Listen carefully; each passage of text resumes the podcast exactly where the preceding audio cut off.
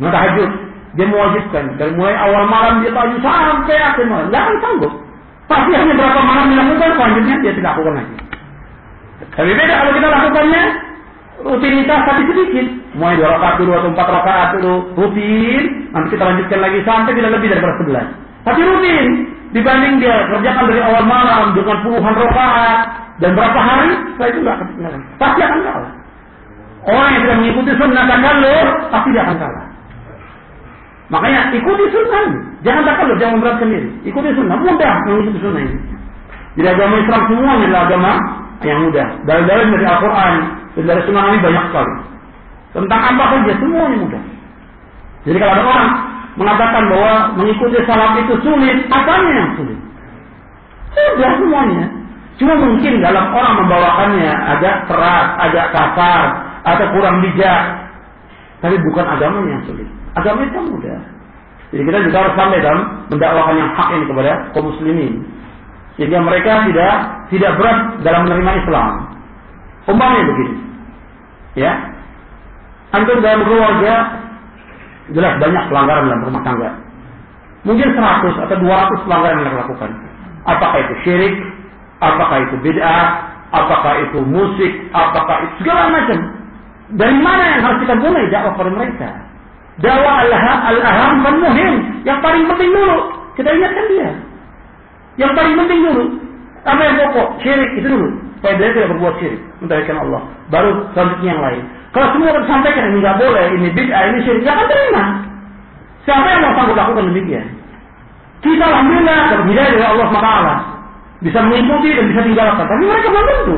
Sejak kecil dibina dari di atas kesyirikan dan bid'ah. Puluhan tahun mau berubah dalam sekejap sulit hidayah dari Allah SWT.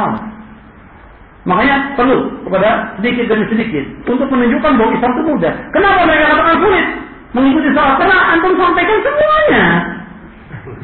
Ini nggak boleh, ini haram, ini syirik, ini bid'ah, ini haram. Apa yang harus dilakukan sekarang ini? Tapi dia bilang, kalau gitu saya mati seperti. Karena semua yang disampaikan, nggak mungkin. Semua disampaikan. Satu persatu disampaikan kepada mereka apa yang paling pokok dulu. Semua yang bukan ini nggak boleh. Maka dikatakan, kenapa anak saya habisnya di tempat itu semuanya nggak boleh, semuanya haram. Semuanya beda. Orang tua juga bingung. Karena yang semuanya beda. Dia nggak paham bahwa memang ada yang jelas tidak lakukan. Ada juga yang dia lakukan benar. Cuma karena menyampaikan seluruhnya disampaikan sekaligus, siapa terima? Makanya Nabi tadrijian dalam dakwah ini bertahap. 13 tahun Nabi di Mekah mendakwakan tauhid. Terus tauhid siang malam tauhid. Nabi dakwakan. Nabi Nuh alaihissalam 950 tahun mendakwakan tauhid. Perlu saja terus bawakan tauhid terus sampai berubah. Sudah baru sampaikan lagi yang lain. Kalau tidak antum antum lihat bagaimana Nabi SAW mengutus sahabat Mu'ad bin Jabal ke Yaman. Pertama kali Nabi sebutkan dulu inna kata di qauman min ahli kitab.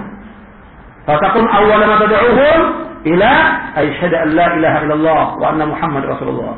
Dan ayat yang lain ila ayyabudullah dan ayat yang lain la ayyuhidullah. Mereka mentauhidkan Allah. Apabila mereka sudah kerjakan yang demikian, fa'alimhum anna Allah qada alaihim salawatin fi kulli yawmin wa lailatin. Mereka mereka sudah kerjakan tauhid ini sampaikan kepada mereka salat yang lima waktu sehari semalam. Sudah mereka kerjakan, sampaikan kepada mereka tentang zakat. Yang diambil dari orang kaya kembali orang fakir. Bertahap dalam dakwah itu. Jadi tidak dianggap bahwa agama Islam ini berat, mudah. Sangat-sangat mudah agama Islam ini. Makanya antum sampaikan kepada keluarga itu bertahap. Jadi jangan sampaikan semuanya, apalagi kalau dia memang awalnya dari, dari orang yang berbuat syirik, berbuat bid'ah. Sampaikan semuanya, nggak mungkin. Ini bid'ah, ini bid'ah, ini. Yang mana yang paling pokok, yang paling besar dari bid'ahnya mereka itu dulu. Sampaikan. Bertahap. Dan itu yang menjaga para ulama. Dalam kitab-kitab mereka. Diingatkan, tadrijian. Hatta dalam kitab Tauhid. Hatta dalam kitab Fatul Majid dan yang lainnya. Dalam dakwah itu tadrijian.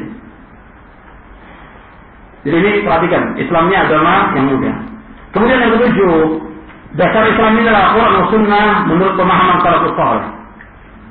Ini harus kita pegang seumur hidup kita. Al-Quran wa Sunnah la tahmi. Gak bisa kita berkatakan saya berpegang pada Quran Sunnah, saya berpegang pada Quran Sunnah. menurut pemahaman siapa? Pemahaman siapa? Menurut pemahaman dia sendiri, pemahaman ustadznya, pemahaman tokohnya, pemahaman siapa? Harus kita kuatkan, kita kait, kita ikat dengan pemahaman salafus saleh.